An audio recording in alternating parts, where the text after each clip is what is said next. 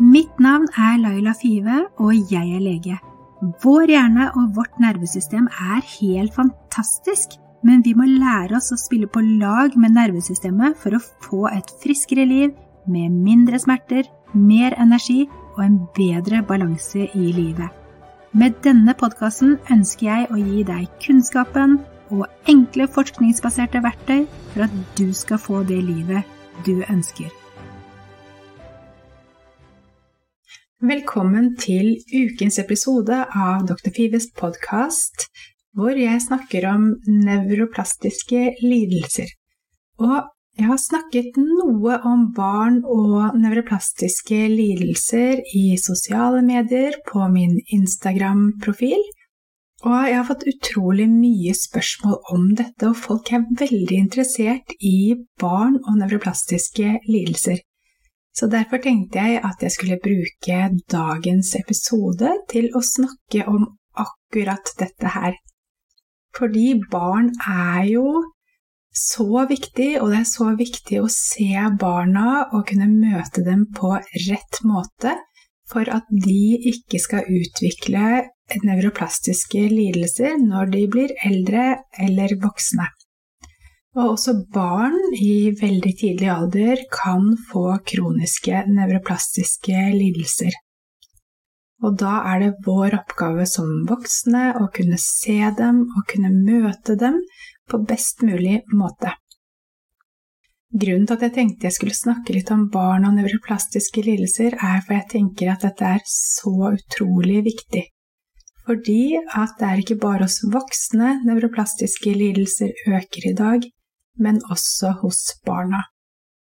Nevroplastiske lidelser er jo stresslidelser som kommer av en økt aktivering i nervesystemet på grunn av en sammenlagt høy stressbelastning av ulike faktorer igjennom livet. Det kan være fysiske faktorer, men det kan også være emosjonelle eller sosiale faktorer som påvirker oss som mennesker. Og alt dette her sammenlagt kan til slutt gi nevroplastiske lidelser. Så jeg tenkte jeg skulle belyse dette litt i dag. Det er utrolig mange ting å snakke om, men jeg tenker at jeg må begrense meg litt i dag. Og jeg kan ikke ta alt og hele spekteret. Og nevroplastiske lidelser hos barn er kanskje ikke så godt forsket på, og det fins ikke så mye litteratur om det. Og i hvert fall ikke der man bruker nevroplastisitet og barn i samme studie. Det er jo mange ting som er nevroplastiske, og jeg bruker samlebetegnelsen nevroplastisitet. Men for andre så kan det høres ut som magesmerter, hodepine, og det kan til og med høres ut som angst. Sånn at eh, det å finne studier på angst og barn, eller magesmerter om barn, det kan man finne mye av. Men når jeg snakker om neuroplastiske lidelser og barn, så finnes det nok ikke noen studier som jeg vet om i alle fall, som bruker disse begrepene. Så det er nok en del forskning på nevroplastiske lidelser og barn, men man må gå inn bak veien og se på hver enkelt nevroplastisk lidelse. Jeg ser jo på nevroplastisk lidelse som en helhet, og jeg skiller ofte ikke hodepine og magesmerter. Jeg får ofte henvendelser der folk ønsker at jeg skal snakke om én og én lidelse, fordi de mener at da kanskje dette vil treffe eh, enkeltindivider bedre, og det er jeg nok helt enig i, og det vil jeg også gjøre fremover. At kanskje jeg vil snakke litt mer om f.eks. migrene i en podkastepisode. Men i utgangspunktet så er det ingenting som skiller migrene og IBS dersom det er nevroplastisk. Sånn at eh, jeg syns det er veldig fint å snakke om det på en helhetlig måte også, men man kan jo variere litt. Barn, sånn som barn vokser opp i samfunnet i dag, det er vi jo ikke veldig godt rystet til i kroppen vår og i nervesystemet vårt. Barn gjennom alle tider har vært ute og lekt, brukt kroppen sin, lært gjennom lek, vært aktive. Eh, de har lært hva som er farlig, hva som ikke er farlig, hvordan man kan utfordre kroppen, hva man kan nærme seg, hva man ikke kan nærme seg. Eh, og man har lært på den måten. Og dette har vært en nyttig og fin måte å lære på. Man kan bruke sine gode egenskaper der de som er tøffere, gjerne utfordrer mer, og de som er mindre tøffe, de utfordrer mindre. Og sånn gjennom tidene så er det ikke sånn at barn har vokst opp blant masse andre barn i akkurat samme alder som man kan sammenligne seg med. De har ikke vært nødt til å møte på så mange ulike individer, og de har ikke vært nødt til å tilpasse seg et så stort miljø som barna i dag er. Sånn at sånn som vårt nervesystem er bygd opp, i den tiden det er bygd opp og utviklet i, så har kanskje barn vært med noen få andre barn på sin egen alder. Og det er klart det er forskjell for et barn å sammenligne seg med 5, 10, 15 eller 20 andre barn, framfor å være på en kjempestor skole med 600 barn. Og det er klart at dette gir et økt stress. Dessuten så er vi også bygd for å ha veldig mye ro rundt oss. Eh, være i naturen, være aktive. Og det får ikke barn i dag mulighet til i samme grad. Sånn at det å ha mennesker rundt seg på alle sider hele tiden, det å være i mye støy og prat, og det å hele tiden skulle stimulere hjernen på f.eks. skjerm i en læringssituasjon der man sitter stille, det er vi ikke utviklet for. Og også har nivået på skolen vår i Norge i dag blitt så høyt, og det krever veldig mye av elevene. Sånn at det å skulle utmerke seg på skolen, eh, sånn som det er lagt opp i dag, med et samfunn som er veldig drevet av suksess, og det å være flink og veltilpasset og det å prestere på ulike områder, det legger et stort press på dagens unge. Man har jo sett at eh, det er en økt bruk av smertestillende hos barn. Mange barn og unge i dag sliter med hodepine og ryggsmerter og magesmerter og andre nevroplastiske lidelser. Det er økende bruk av spesielt paracetamol, men det er også økende bruk av andre reseptpliktige medisiner, til og med også antidepressiva. Og Paracet-bruken har bl.a. blitt tredoblet de siste 20 årene hos barn. Og det er spesielt barn i alder 14 16 år som bruker veldig mye paracetamol de sliter ofte med hodepine, og istedenfor å se på dette som stresslidelser og finne ut hvordan man kan jobbe med nervesystemet, med kroppen, med hjernen, med tankene, med miljøet for å redusere stress, så behandler man stress i dag med tabletter. Av og til så kan det være nødvendig, men i det store og det hele så tenker jeg at det er en negativ trend og en negativ utvikling å takle stress med bruk av smertestillende medikamenter. Jeg tenker sånn For min egen del så er det sånn at jeg prøver å legge opp mitt liv sånn at jeg ikke får stressplager. Prøver å forebygge, og jeg har jobbet masse med tankene mine, med holdningene mine, med verdiene mine. Og jeg jobber også med å roe nervesystemet daglig, og jeg passer også på å få helt fritid. Og jeg er forsiktig med å bruke f.eks. sosiale medier. Før kunne jeg ligge på kvelden og se på Netflix-serier, det gjør jeg ikke lenger, fordi hjernen min trenger hvile. Men av og til så klarer jeg jo selvfølgelig ikke å balansere alt dette her, og så kan det ende med en spenningshodepine. Eh, og for å kunne takle denne dagen, så går det jo an å ta en Paracet. Det er helt klart. Men jeg tenker at i, i hovedregel så bør man ikke igangsette daglig eller ukentlig paracetamolbruk for å klare å stå i situasjoner. Og ungdom i dag bruker Paracet for å takle sosiale arrangementer, eksamener, treninger, skoler og alle mulige konkurranser. Jeg tenker at det er en utrolig negativ utvikling som vi bør passe oss litt for. Og da er det viktig at vi som er voksne, kan se disse barna og se at ok, nå er det mye hodepine. Eh, her er vi nødt til å hjelpe barna og lage en endring som kan gjøre at de holder ut, og som kan gjøre at de blir mer veltilpasset, og at de får hvile i hverdagen. For ikke nok med full skolegang, kanskje masse lekser og prøver og alt dette her. De skal også være med å prestere på både treninger og på kamper og i konkurranser. Så hele vårt samfunn er veldig prestasjonsdrevet og konkurransedrevet. Det er også stimuli på alle kanter, spesielt i disse tider med sosiale medier. Så det er viktig at ungdommene og barna har en mulighet til å skjerme seg.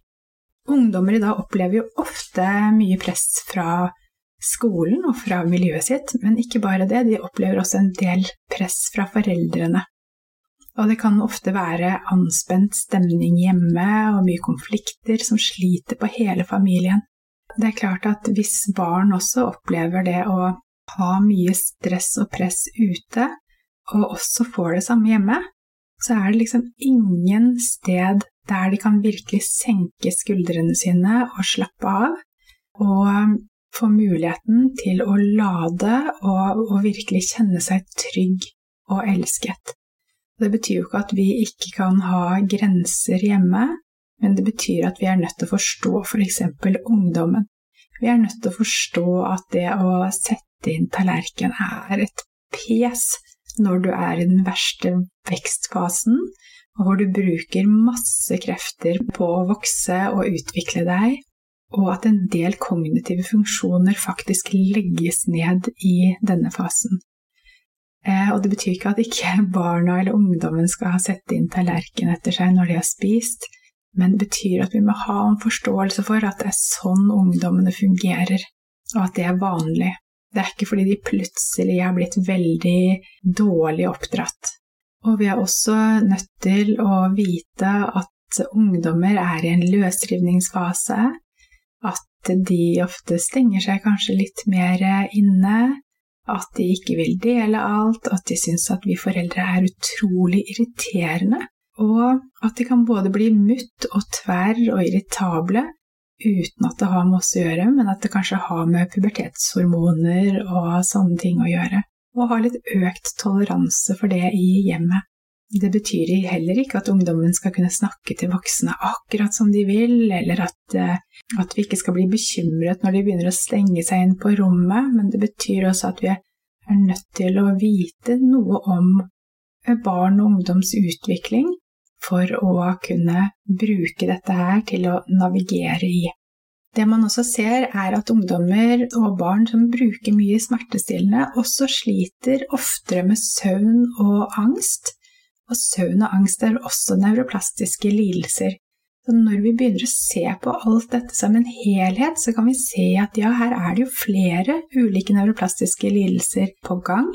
Og det er økt risiko for flere nevroplastiske lidelser, og hvis man ikke takler det, så kan det ende opp i kronisk utmattelse av ulike slag, eller andre former for plager som kan bli mer kroniske.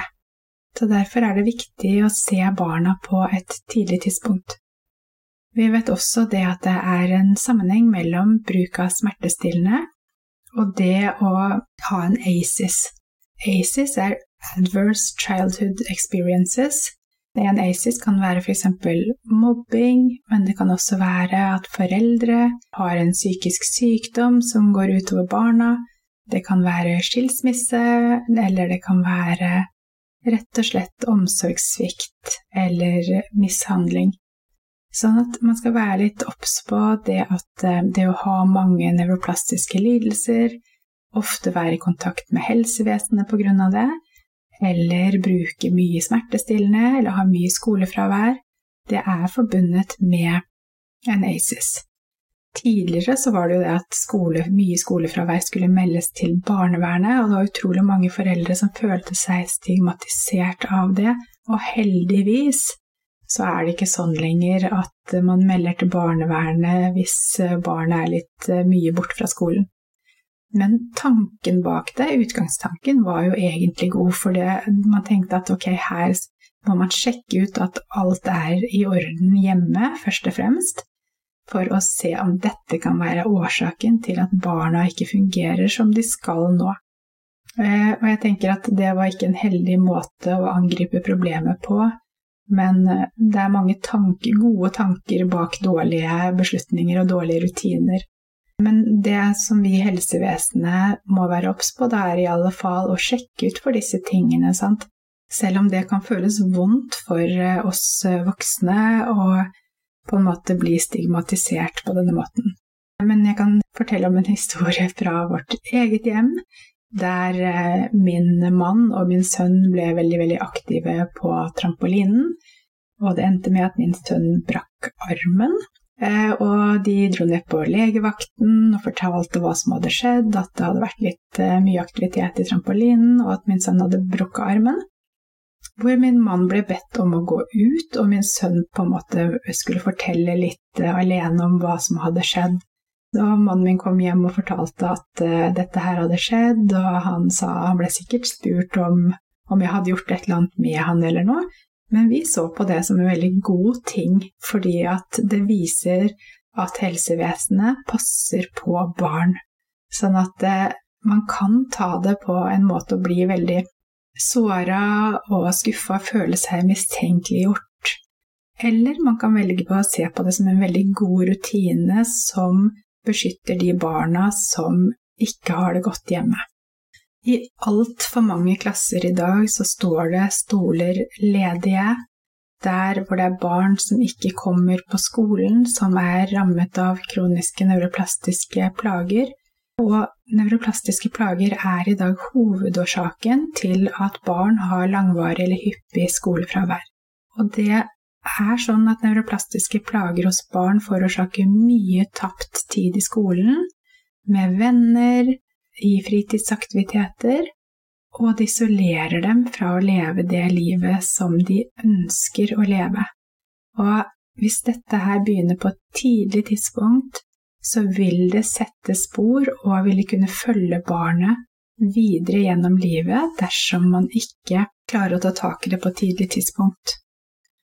Og nevroplastiske lidelser er jo ofte årsak til skolevegring, som er et stort problem i dag, og som rammer veldig mange av våre barn og unge. Og en smerteopplevelse er i høyeste grad personlig.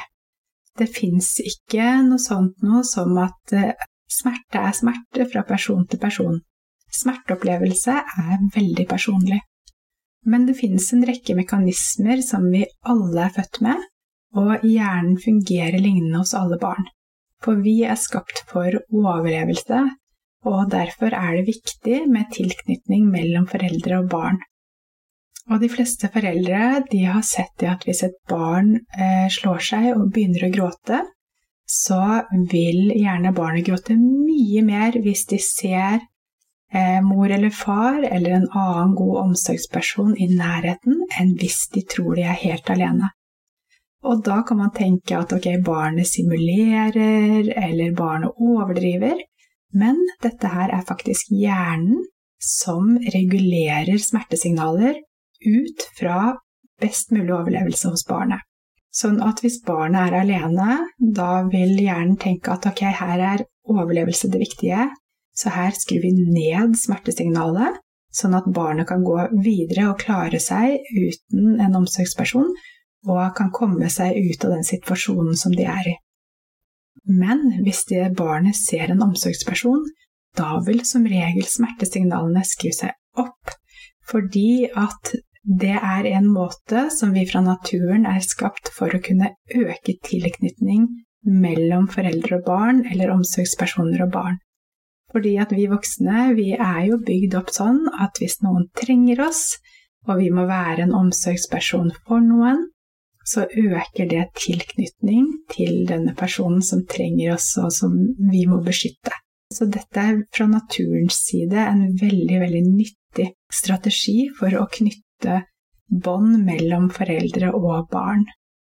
Og i mors hjerne blant annet så vil det skilles ut oksytocin, såkalt kjærlighetshormonet, som gjør at vi får mye mer omsorg og kjærlighet for barna våre når vi opplever å måtte trøste dem og være der for dem på en sånn måte. Og på den måten så blir våre bånd sterkere. Og barnets nervesystem er jo under utvikling, og hjernen er under utvikling. Og måten vi møter barnet på i denne fasen, det vil ha noe å si for barnets hjerneutvikling. Sånn at det er utrolig viktig å kunne møte barna sine på rett måte når de f.eks.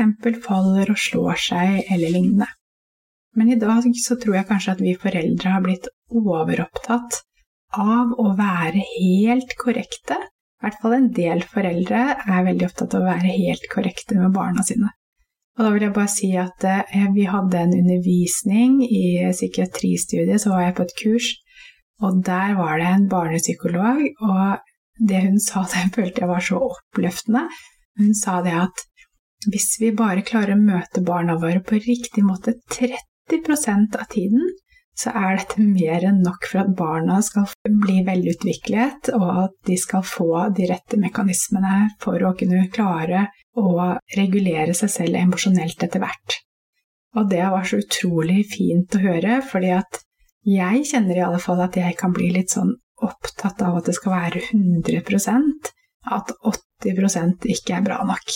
Og da tror jeg vi er på et veldig skeivt spor, fordi vi vet så mye i dag om barns utvikling, og vi vet så mye i dag om hva barn trenger, så kan vi bli overopphengt i å gjøre ting helt perfekt.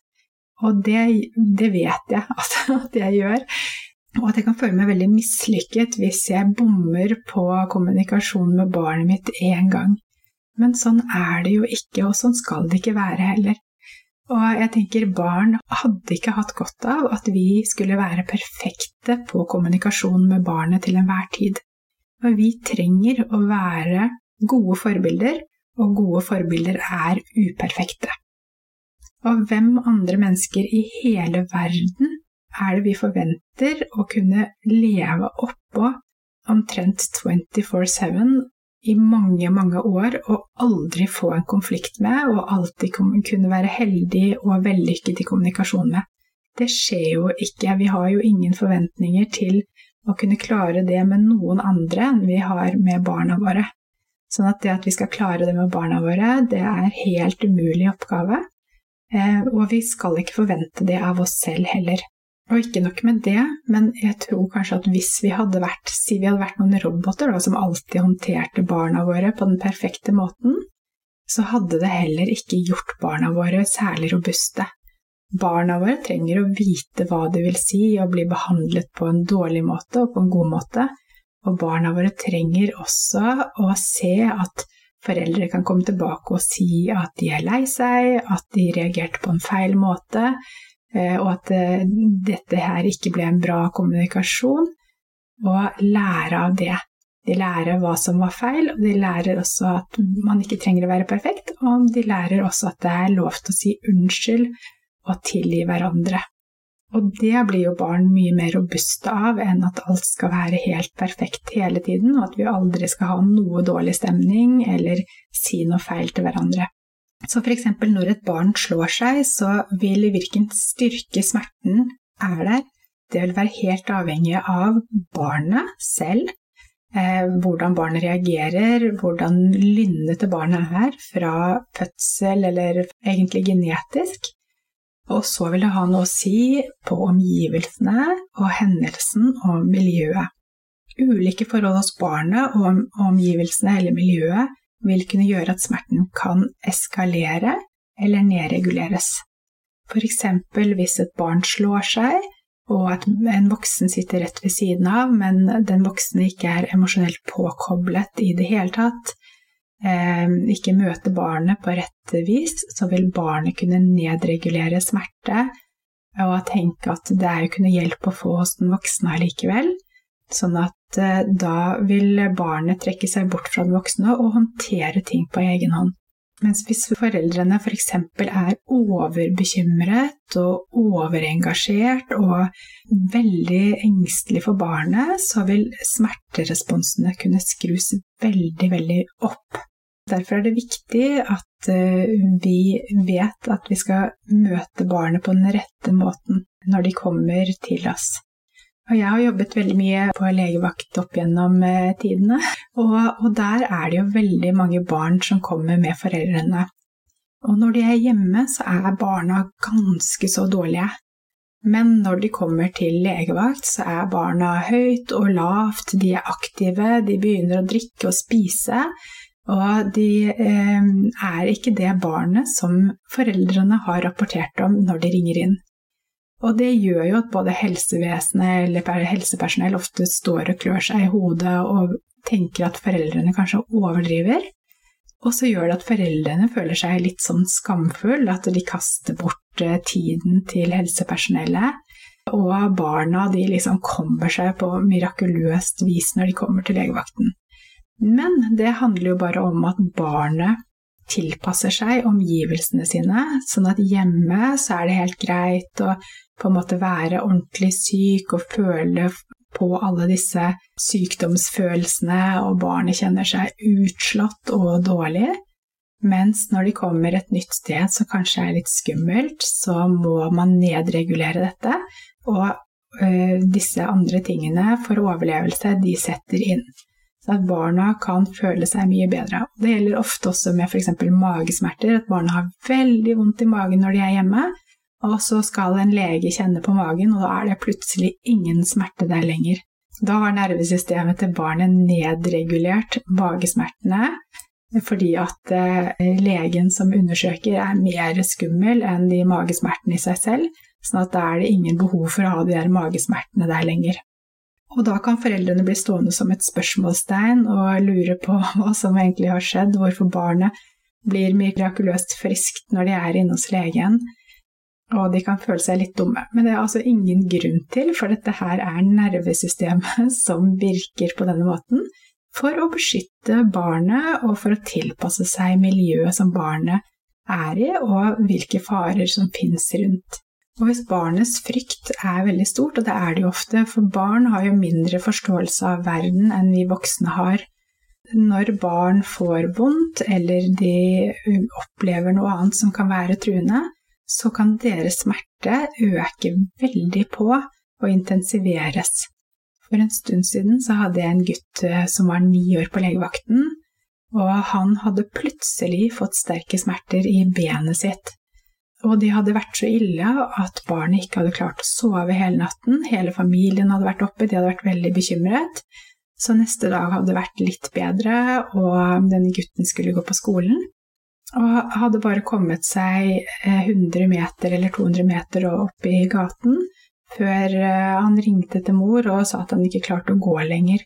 Og etter det så klarte ikke barn å belaste beinet, og de kom da til legevakten på ettermiddagen.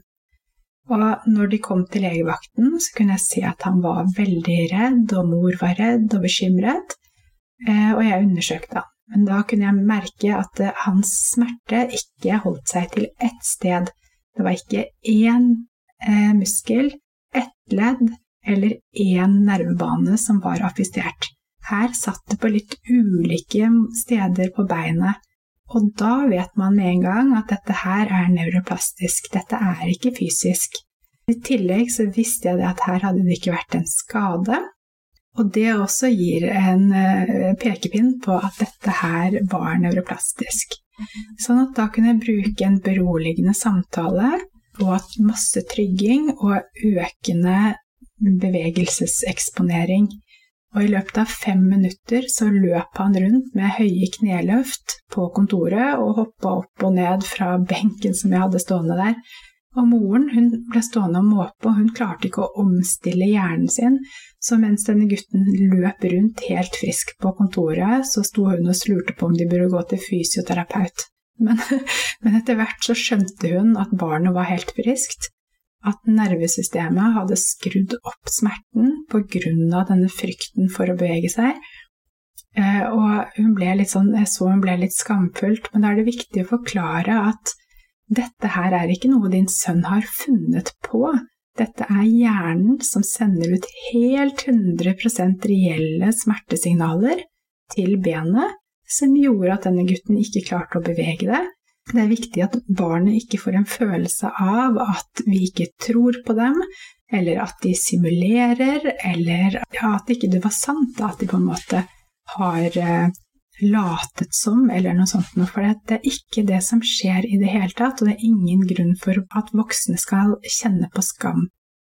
Så tenkte jeg nå på slutten at jeg skulle dele med dere noen nevroplastiske historier, smertehistorier, fra vårt eget hjem.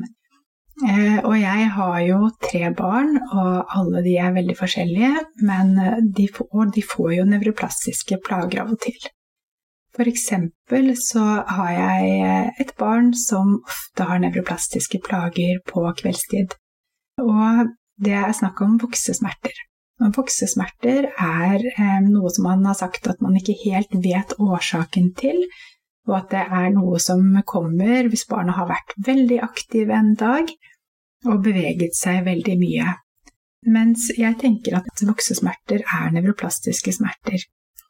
Og når barnet mitt er eh, veldig sliten på kveldtid, det kan godt være at de har beveget seg spesielt mye den dagen, så kommer disse smertene i beina, hvor det er gråt og det er vondt, og mange foreldre blir jo veldig bekymret av dette her, sant? men voksesmerter kommer jo som regel på kveld eller natt.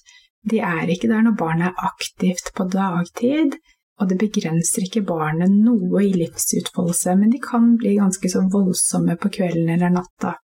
Men da er det viktig å vite at ok, dette kommer av en økt aktivering i nervesystemet, og at eh, det blir mye smertesignaler sendt ut til f.eks. et ben da på slutten av dagen.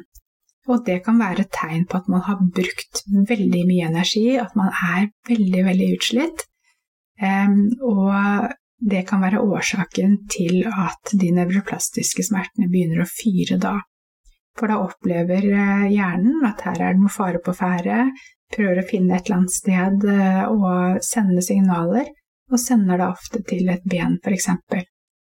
Det kan også bety at eh, det har skjedd et eller annet, at det er eh, en eller annen hendelse på skolen eller i barnehagen. Eh, så det er ikke helt lett å vite hva som er underliggende alltid, men jeg tror ikke man trenger å tenke at det er noe feil eller noe vondt for barnet eller noe det har vært utsatt for fordi om de får voksesmerter på kvelden, men det er liksom viktig å kanskje sjekke litt ut med barnet da, hvordan de har det og sånne ting. Eh, det er viktig å ikke si noe om at disse smertene ikke er ekte, de kommer fra hjernen din og sånne ting. I hvert fall små barn har ikke noen veldig forutsetninger for å forstå dette her, men større barn kan jo ha det. Med min eldste, hvis han får smerter et sted, så pleier jeg alltid å spørre om ja, følelser, om han legger mye press på seg selv, om det har skjedd et eller annet, hvis han opplever å få noen smerter og nå etter hvert så har han begynt å kunne klare å relatere mer i følelsesregisteret når han får uforklarlige smerter, enn at han eh, går nødvendigvis til skade. Dette forutsetter selvfølgelig at det ikke har skjedd en skade, da, men hvis det kommer helt plutselig litt uforklarlige smerter. Da er det viktig å, å være trygge, gode voksne når barna opplever disse smertene, for at det ikke skal eskalere smerten. For da kan det eskalere smerten, komme hyppigere og oftere, og barna blir engstelige når de får vondt. Men at vi er trygge, gode voksne, vet hva det går i, og kan roe og regulere barnet ned på kvelden. Og så har jeg også noen andre eksempler fra eget hjem. Da, at eh, jeg ba det ene barnet mitt å, å gå med søppelet sitt til søppelkassen. Og da fikk jo dette barnet akutte smerter i et ben. Det andre barnet mitt fikk akkurat det samme, kjempesterke sånn smerter i nakken akkurat når jeg ba om at det skulle rydde rommet sitt. Og dette her kan man jo tenke at er simulering, men det er det ikke. Her er det et barn som får beskjed om å gjøre noe de virkelig ikke vil. når de virkelig ikke vil, og kjenner at de har bare lyst til å skrike eller stritte imot eller nekte, så undertrykker de dette her, og så kommer det ut som smerter i kroppen i stedet. Sånn at smerten i kroppen, det skytende smerten i nakken eller den plutselige smerten i foten, den kommer fordi at de er i en sosialiseringsprosess hvor de forstår at ok, her kan ikke jeg bare nekte, her er jeg faktisk nødt til å gjøre noe jeg ikke har lyst til. Eh, og da får de heller smerter i kroppen fordi de undertrykker følelsene sine. Eh, og da er det veldig viktig å ikke si at nei, hvorfor skulle du få vondt i foten akkurat nå når jeg ber deg om å gå med søpla, eller ja, ja, ikke kom med en unnskyldning med den nakken din når du skal rydde rommet. Fordi at det er ikke funnet på, det er helt ekte 100% altså Det er like ekte som om at de hadde brukket foten sin. Det varer selvfølgelig ikke så lenge, er ikke så intensive og ikke så skremmende. Da, når man vet at det har vært en skade, så er det én ting, ikke sant? men her kommer det liksom bare sånn stikk eller en kortvarig varende smerte. Men da er det viktig å ikke fokusere på smerten nødvendigvis, men fokusere på å forstå at åh, nei, jeg skjønner at det ikke var det du hadde lyst til å gjøre nå. Jeg kan forstå at det er kjedelig å rydde rommet sitt, ikke sant? Og at du var opptatt nå, og så kommer jeg og ber deg om å gjøre noe du ikke har lyst til å gjøre. Så hvis vi kan forstå hva egentlig den smerten prøver å formidle, så kan barnet ta den undertrykte følelsen opp i bevisstheten sin, og så kan de forstå hva det handler om, istedenfor at de skal dytte sine følelser ned, og at de skal komme som smerter i kroppen. Hvis vi ser at barnet får uforklarlige smerter på et eller annet tidspunkt, eller det kommer når det blir satt krav til, eller noe sånt noe, så er det viktig at vi klarer å hjelpe de å forstå hvilke følelser som de prøver å undertrykke, sånn at de kan komme i kontakt med følelsen og bringe den opp i bevisstheten og ha lov til å kjenne på den, framfor å trykke den ned i kroppen. Sånn at hvis vi jobber på denne måten, så vil våre barn bli mye mer og bedre regulert og få mye, mye mindre nevroplastiske smerter og nevroplastiske lidelser. Nevroplastiske lidelser hos barn er jo noe som kommer på legekontoret veldig, veldig ofte. Og da er det jo viktig for oss i helsevesenet å kunne møte dette her på rett måte. Nervesystemet til små barn er jo ikke ordentlig utviklet. Eh, de fram til tre års alder spesielt. Sånn at eh, det kan kanskje eh, virke litt sånn merkelig når du kommer til legen med et barn med f.eks. magesmerter, og så begynner legen å kikke inn i ørene på barnet. Men sånn er det altså at veldig mange smerter hos barn, små barn, sentraliseres i magen, til tross for at det er andre steder denne smerten eh, ofte kommer fra, fordi at nervesystemet er ikke moden nok til å kunne peile hvor egentlig problemet sitter. Eh, dette er ikke nevroplastisk, men det betyr at veldig masse av disse eh, ulike plager, følelser, tanker eller annet fysisk stress ofte setter seg i magen hos barn. Og vi må jo utrede barn som har hyppige magesmerter ofte, men det som er vanligere hos barn enn, enn at det er en fysisk sykdom som er galt med dem, det er at de projiserer en del ned i magen av følelser og tanker og emosjoner og vonde ting som egentlig skjer med dem, eller også det at de bare er veldig sliten eller overstimulert. Det kan også være. Sånn at det kommer jo veldig mange barn spesielt med magesmerter, på legekontoret. og det er jo selvfølgelig viktig å sjekke de ordentlig, men det er også viktig at vi ikke, at vi ikke bidrar til en økt frykt og en økt aktivering i nervesystemet hos barn. At vi tenker oss om flere ganger før vi henviser til spesialisthelsetjenesten eller kjører veldig, veldig mange runder og masse, masse utredning pga. f.eks. frykt drevet av foreldrene og barna. Og vi må tenke litt større på det, og det gjør jo folk i, i helsevesenet. Alle leger vet at uh, det er mer sannsynlig med andre psykososiale forhold når det er magesmerter hos barn, enn at det er en sykdom. Og vi sjekker alltid for sykdom for det, men eh, hvis, det, hvis, det, er nødvendig ut fra de eh, symptomene og plagene som er, men vi sjekker også alltid ut hvordan det er med forhold på skole, i barnehage, i familien og andre belastninger som barnet kan kunne ha.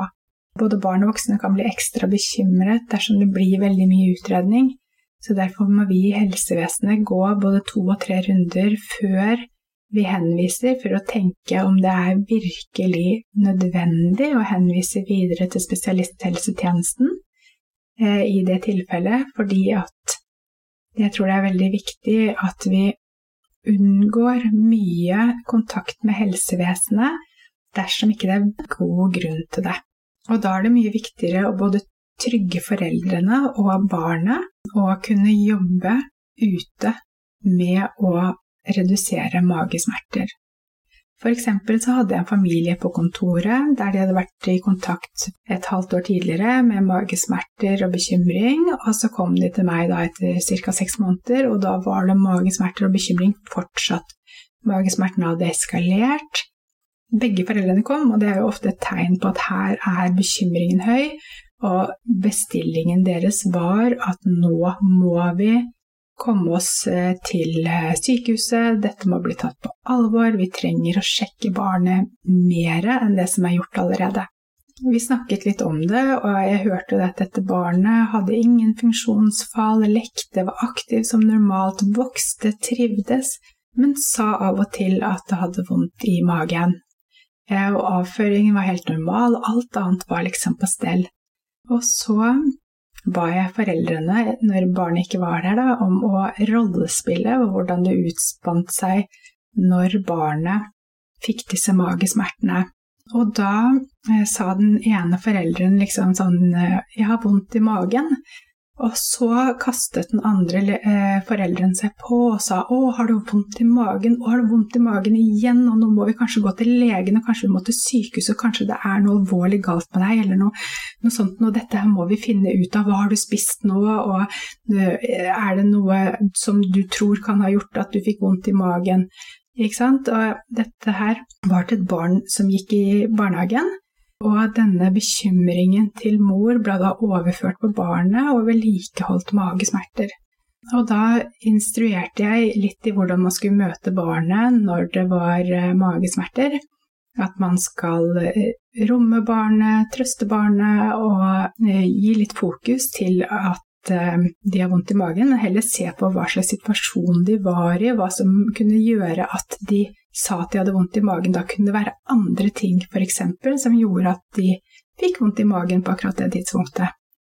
Eh, og så ikke overdramatisere disse smertene og ikke gi dem ekstra oppmerksomhet, og ikke spørre etter smerter når ikke det var rapportert hos barnet selv, for det er veldig viktig at vi ikke forsterker smertebanene til barnet ved å hele tiden snakke om smerten for hvis vi gjør det, så vil vi på en måte styrke disse nervebanene da, som går på smerte. Og det ønsker vi å unngå. Og så sa jeg at de skulle komme tilbake etter tre måneder, og de kom tilbake. Og da hadde de endret kommunikasjonen med barnet, og det var ingen snakk om magesmerter lenger. Dette her hadde roet seg, og det hadde ordnet seg, fordi at da gikk man ikke i en sånn spiral der hvor det ble fokus på magesmerter og voldsom frykt rundt disse smertene. Så det er viktig å tenke på at uh, også vi foreldre har en veldig viktig rolle i å regulere barnas uh, plager og smerter på denne måten. Uh, men det er klart at dette her er ikke medisinsk rådgivning til dere. Dette er en podkast. Dette er mulige ting og mulige måter man kan tenke på det om. Men man skal ikke sitte nå hjemme og være utrygg eller usikker og ikke ta kontakt med lege. Fordi at det skal alltid en lege til hvis eh, foreldre kjenner seg utrygge og usikre på helsen til barna, så er det kjempeviktig å ta kontakt med legen, og så kan legen ta en avgjørelse om det er viktig å gå og riktig å gå videre med undersøkelser eller ikke. Dette er bare litt tanker rundt akkurat dette. Ok, men da håper jeg at du har blitt litt klokere når det gjelder nevroplastiske smerter hos barn, de er 100% reelle smerter. De kan gå fra å være innimellom, som de er hos alle barn og alle voksne og alle mennesker i hele verden, eller de kan bli mer og mer kroniske etter hvert. Og det betyr ikke nødvendigvis at vi har gjort noe feil, verken barn eller foreldre eller skole eller noen andre, men det betyr at vi må koble oss ekstra på å vite hvordan vi skal kommunisere, vi må være litt mer obs, og vi må handle på den rette måten når dette her skjer, for å unngå at det utvikler seg videre og blir verre. Ja, det er ikke sikkert vi kan unngå det forresten, men vi kan i hvert fall forebygge med å prøve å gjøre ting på den mest mulig rette måten. Så da håper jeg du har fått litt tips rundt nevroplastiske smerter og barn, og at du har lært noe i denne episoden. Um, og hvis du vil ha tak i meg, så er det link til steder hvor du kan få tak i meg under. Og bare for å være helt klar på det, så har ikke jeg noe opplegg for barn. Jeg jobber ikke med barn på denne måten. Men jeg deler nå bare min kunnskap og erfaring på området som lege og som mor. Tusen takk for at du hørte på meg i dag, og jeg ønsker deg en superfin dag videre.